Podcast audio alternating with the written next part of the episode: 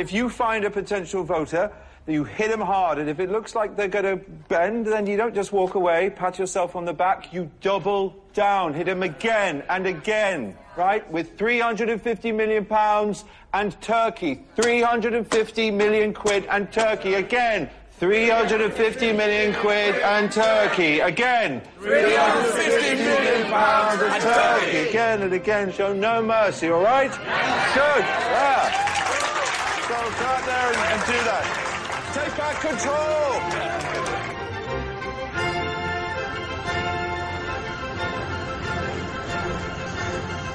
Quen é este que sai falando? E pois pola voz non, non a recoñezo, pero así o discurso é tipo Dominic Cummings, non?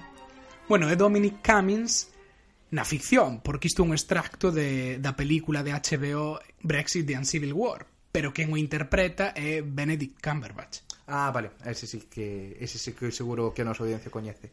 A ver, pero bueno, contanos así un pouquiño, Miguel, quen é Dominic Cummings e por que lle dedicamos un test en Gotes? Pois Dominic Cummings é un asesor e un estratega político que agora mesmo é o principal asesor de Boris Johnson e sen el non se podería entender nada do que, do que está a acontecer no Reino Unido co Brexit, basicamente. Pero non é un personaxe novo, non? Xa leva bastante tempo danzando pola política británica.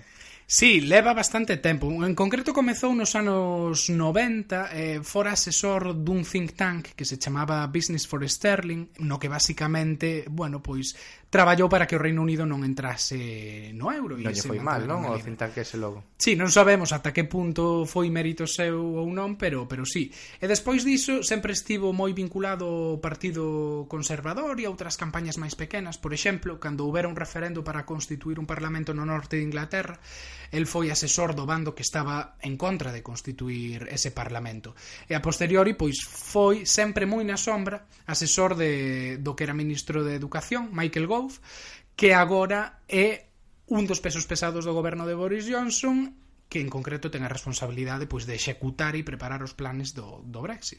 Pero recentemente, máis a nivel de, de coñecemento de Dominic Cummings entre a opinión pública, coñécese fundamentalmente pola súa participación na campaña eh, de Vote Leave, que foi o, eso, a gran a principal campaña pro do Brexit durante durante o referendo. Si, sí, el foi o director de campaña e foi o autor intelectual de, dos slogans que tanto callaron, ese take back control, que o Reino Unido recupere, recupere o, con, o control que ceder a Unión Europea, foi o autor dese lema sobre o NHS, no que basicamente un autobús estivo circulando para arriba e para baixo no Reino Unido dicindo que se si se saía da Unión Europea habería dispoñibles 350 millóns de libras máis todas as semanas para investir na, na sanidade pública. Claro, que, que, que eso foi moi, moi problemático por dous motivos. Primeiro lugar, porque unha campaña durante un referendo non pode facer compromisos de gasto porque non é un partido político e segundo porque é falso que o Reino Unido lle dé 350 millóns á Unión Europea todas as semanas, eh? é menos. Claro, e iso, bueno, pois pues un problema Grave, importante. Sí. Claro, pero e, e iso tamén dá un pouco mostras da intelixencia, porque sí. ante todo é unha persoa moi excéntrica e escura, pero unha persoa moi intelixente, da intelixencia da, per, da personaxe, porque el decidiu centrarse no NHS non o azar, decidiu facelo despois de facer moitos grupos de enfoque que son así pequenas entrevistas con electores para saber que opinan, para saber cales son os seus sentimentos e as súas opinións sobre a política e deuse conta de que a sanidade era era o centro da, das preocupacións da xente. E tivo moi claro desde un primeiro momento que a campaña non podía seguir os derroteiros que querían outros eh, brexitiers de liñadura como Farage e que había que distanciarse de todo iso. El tiña claro que si a campaña do Brexit iba a ser simplemente centrarse na inmigración e centrarse eh, pois, máis no discurso que viña tendo UKIP, máis xenófobo quizáis, mm iba a se perder, que, que había que ir aos problemas da xente e centrarse nos problemas da xente. Independentemente, pois, de que fora certo ou non, o que había que dicir é, se se sai da Unión Europea, isto vai se solucionar. Eh, e, e, bueno, sa, saliulle ben. Uh -huh.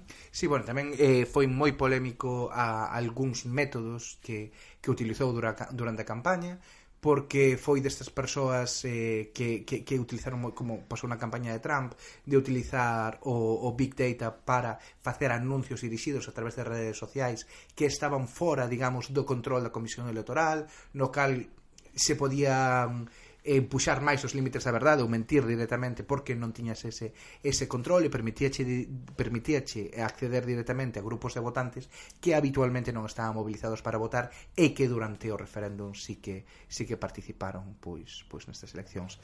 Este é así polo que máis ou menos aquí coñecemos a, a Dominic Cummings. Sí, un tipo hábil, pero que a pesar de que, bueno, sempre estivo en política, é, é moi antipolítico e así uh -huh. o veu demostrando e o demostra agora como asesor de Boris Johnson.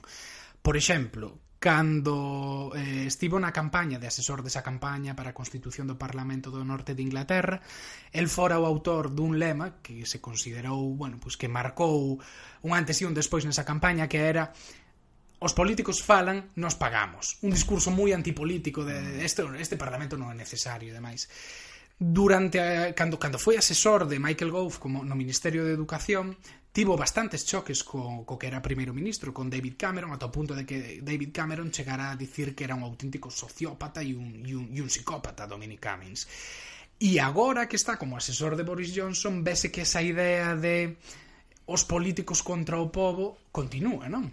Sí, eh, agora mesmo fa, eh, falase a posibilidade de que se convoquen eh, eleccións e eh, E a idea a, a idea na que xa se están falando todos os medios é que Boris Johnson quere presentar o seu goberno e calquera campaña electoral futura como un eh, pobo fronte a parlamento o cal é moi en moitos sentidos rompe moito coa tradición británica na cal o parlamento é o representante da soberanía da soberanía popular e da soberanía nacional.